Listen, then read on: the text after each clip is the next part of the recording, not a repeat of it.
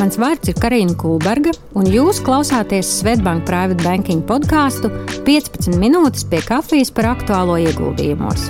Kopā ar maniem kolēģiem apspriedīsim karstākos nedēļas notikumus finanšu tirgos un labklājības veidošanas tēmās. Ik nedēļu kompaktā un nepiespiestā 15 minūšu sarunā. Klausieties mūsu podkāstu Spotify Svetbank Private Banking kontā, spiediet follow un zvani ikonu, lai nepalaistu garām jaunākās sarunas. Lai labi skan un uz tikšanos!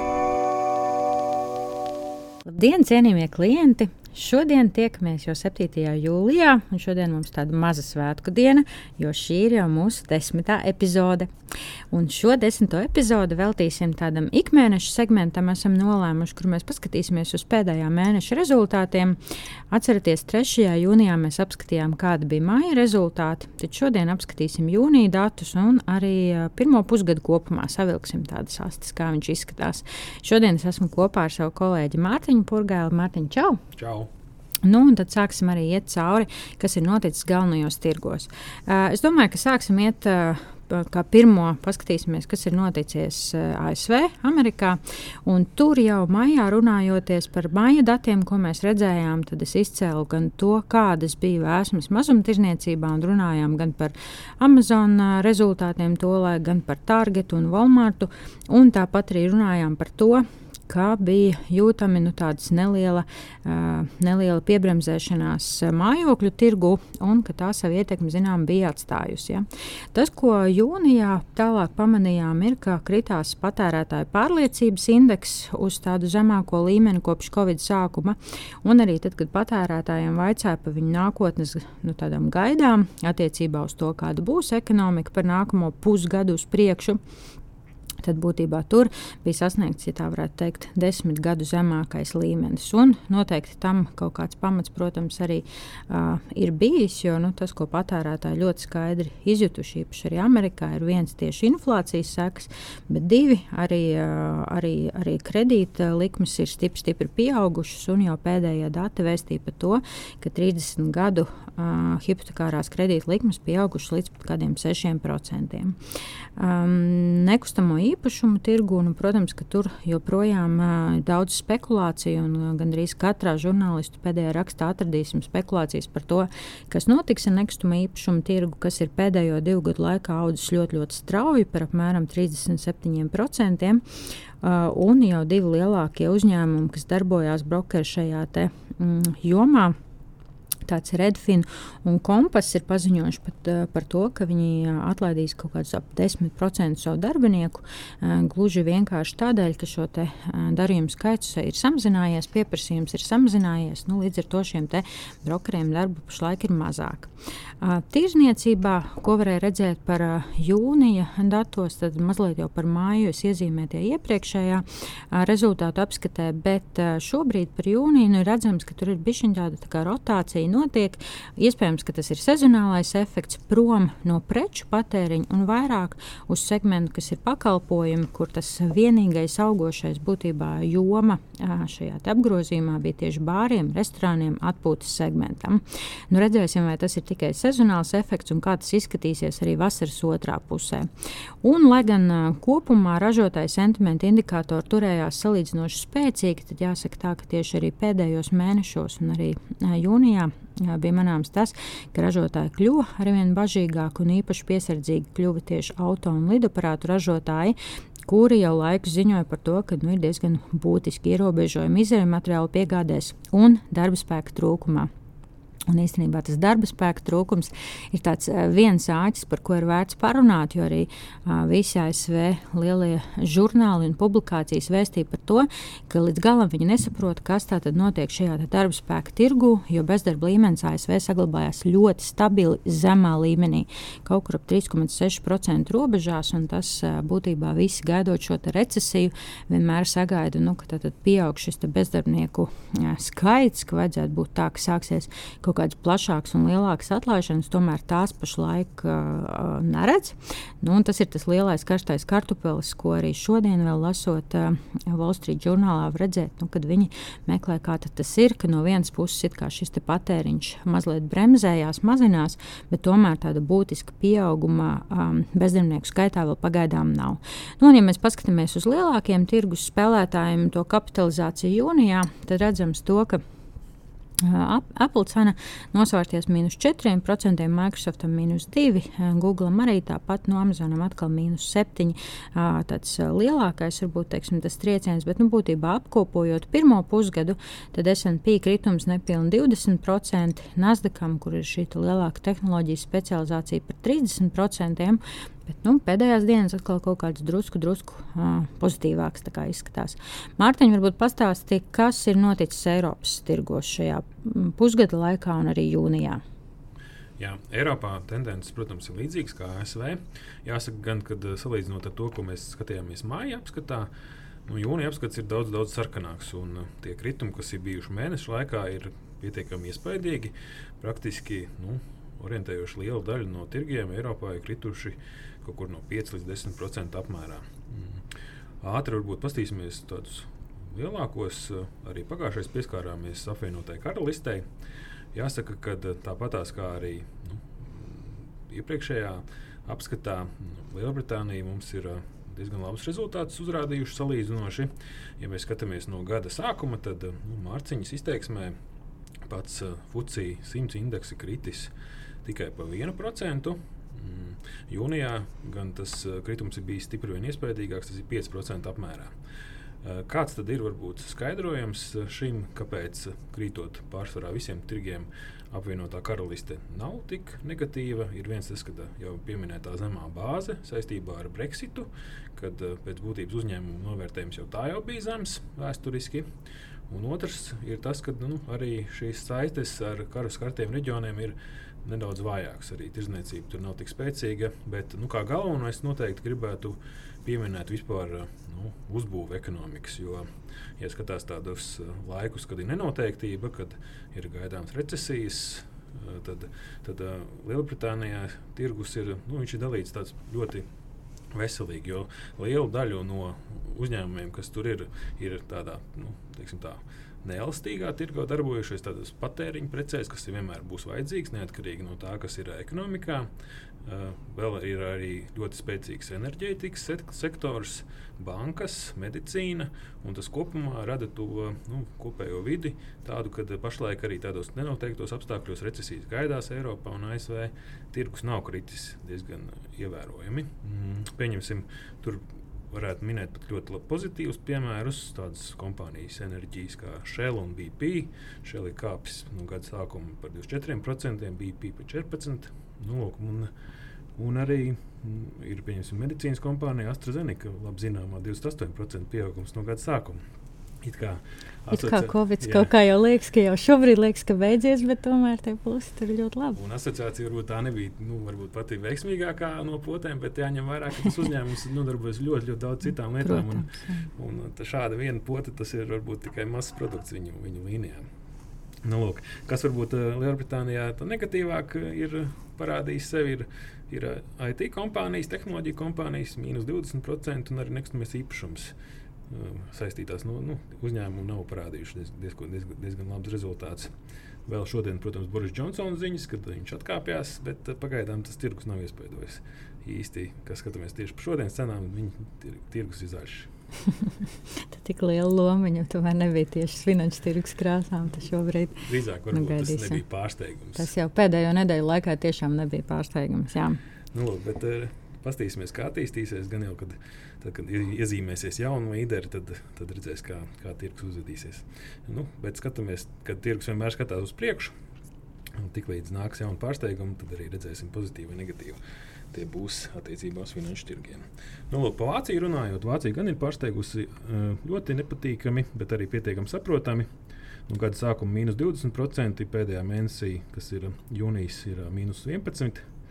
Un šeit ir uh, diezgan loģiski izskaidrojums tūms uh, un, un ciešās saiknes ar konfliktu zonām.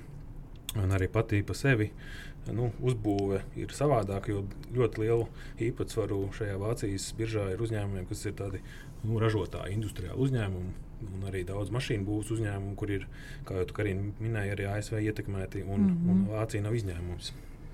Tāpēc rezultāts ir diezgan nu, saprotams. Un, un, un, un tas arī var būt nu, pieskaroties lielākām kompānijām, tas pats Siemens, ko mēs iepriekšējās reizes skatījāmies, ir kritis nu, mēneša laikā par 21%, no gada sākuma 36%. Volkswagen mīnus 30 no gada sākuma diezgan tādi iespaidīgi kritumi. Tā kā tā. Turpinot, varbūt vēl pastoties, kā ir ietekmējuši karš šo visu reģionu, Eiropu.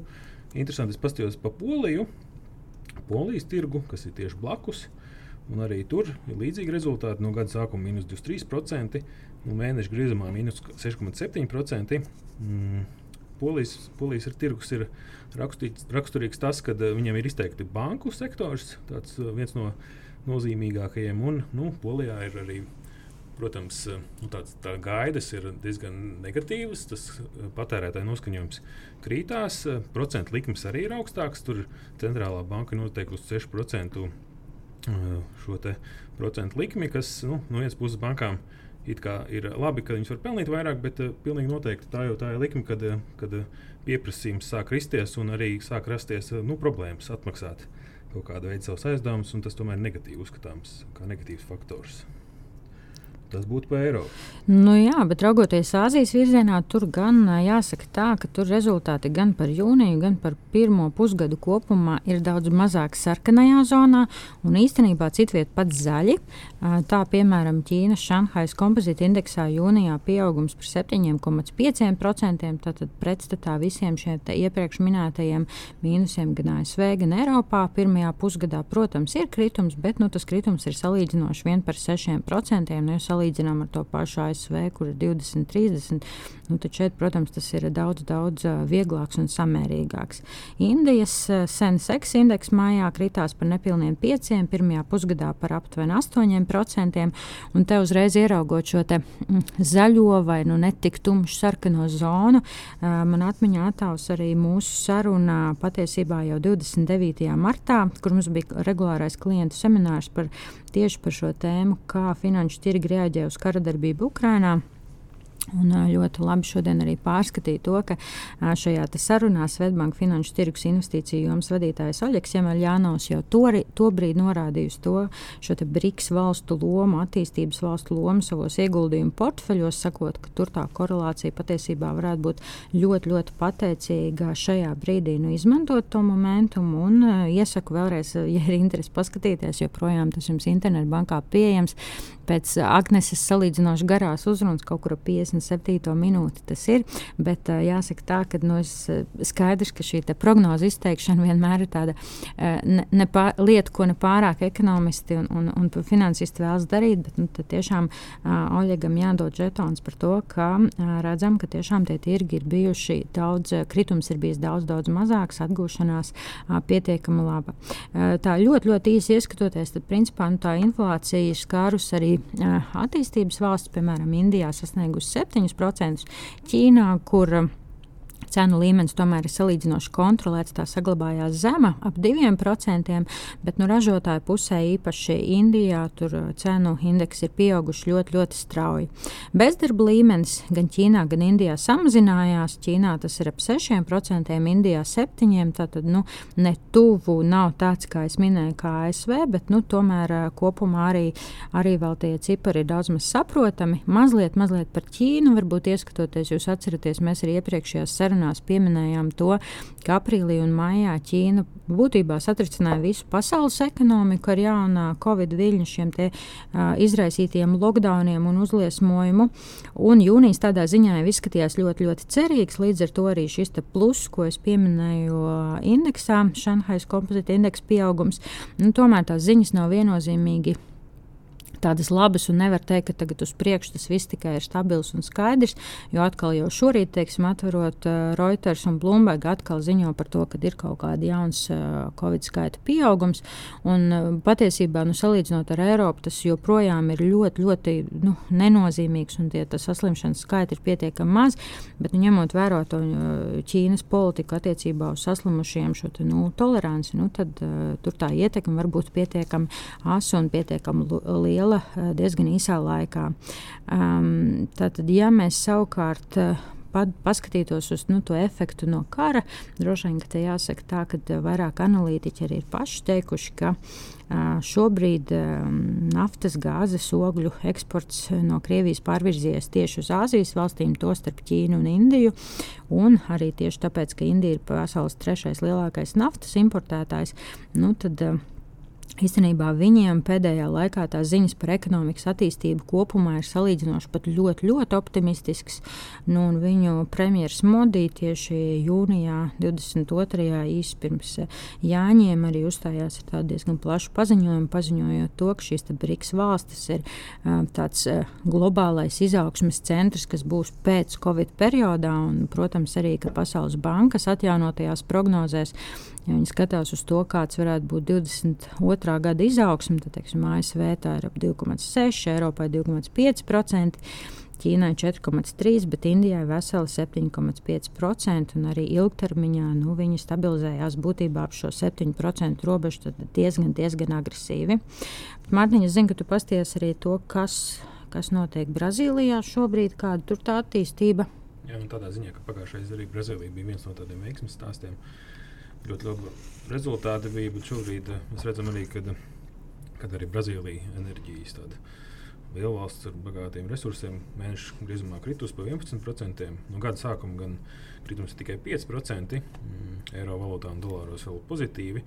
Vairāk iemeslu, viens ir politiskais prezidenta vēlēšanas, tīri, tur nav skaidrības, kas un kā notiksies, līdz ar to tirgi reaģē negatīvi. Vēl arī pats par sevi likmes ir augstas, kas ir stiprinājis kursu tādā veidā noteikti arī kādu efektu devis uz uzņēmumu novērtējumu potenciālu viņu tirzniecības iespējām ar ārvalstīm. Uh, tas bija par Brazīliju, bet uh, nu, viņi ir enerģijas valsts, pieskaršos tālāk par to pašu naftu. Naftas cena ir tendence krist. Jūnijas ir mīnus, mīnus 7%, nu, starp 6 un 7 atkarībā no naftas uh, veida. Tomēr gada izteiksmē, protams, tur ir kāpums kaut kur pie 40 līdz 50% robežās. Uh, Pašlaik jūlijā vēl tendence varbūt vēl kristies. Interesanti paskatīties, būs, kā ir jaunās Eiropas Savienības sankcijas. Kopumā sankcijas par to, ka vēlās Krievijas naftas cenu ierobežot ar augstākiem grieztiem, redzēs, kā tas atspoguļosies uz tirgiem. Pašlaik ir neliels atslēgums šajā, šajā visā. Redzēsim, kā tas atspoguļosies uz degvielas cenām. Ceru, ka varbūt to ieraudzīsim. Varbūt vasaras beigām jau varēsim tālākos ceļojumos ar auto doties. jā, jācer. Nu, bet eh, tāpat tās sektors ir ļoti labus rezultātus parādījis diezgan saprotamu, saprotamu iemeslu dēļ. Mm, ja mēs skatāmies arī uz, uz, uz tādām lauksaimniecības produktiem, tad diezgan izteikts kritums ir kviešu tirgū, saistīts ar, gan ar ražas eh, šobrīd tām ekspektācijām. Un, un arī kopumā ar to, ka eh, tomēr sāk kaut kādas sarunas arī Ukraiņas gadījumā par viņu ražu izvešanu notikt. Līdz ar to šī sektorā ir arī kritums cenās, un tā ir laba, laba ziņa. Nu, kukurūza un uh, soja ir palikuši tajos pašos līmeņos. Eiro dolārs arī nav pārsteigumu. E, dolārs gan stiprinās, vēl aizvien, bet nu, nekāda jauna ziņa nav. Jebkurā gadījumā procentu likuma atšķirība, recesijas gaidas, tas pagaidām ir stiprinājis dolāru. Nu jā, un mūsu reģionā, tepat pie mums, mēs ar prieku darām zinām to, ka mums ir atkal atjaunotais ideju saraksts par Baltijas tirgiem. Līdz ar to ir kaut kāda virkne klientu, kas jau ir banķieriem izteikuši vēlmi to saņemt un to saņem. Bet, ja jums, jūs to neesat saņēmuši, bet vēlaties ar idejām par izaugsmus un dividendžu stāstiem, kam tic Svetbānka analītiķi, tad noteikti sazinieties ar savu banķieri. Visādi citādi, nu, lai labā un spraiga vasara, lai izdodas to šobrīd arī izbaudīt izbaudīt, un tiekamies atkal nākamnedēļ. Visu labu! Tā. Tā. Audio saturā dzirdētā informācija nav uzskatāms par ieguldījumu konsultāciju vai ieteikumu slēgt finanšu tirgus darījumus vai ieguldīt finanšu instrumentos. Paldies, ka noklausījāties mūsu sarunu šodien. Atgādinu, ka, lai nenokavētu jaunākās epizodes, spiediet follow un zvaniņu ikonu Spotify kontā Svetbank Private Banking, lai laba diena un uz drīzu tikšanos!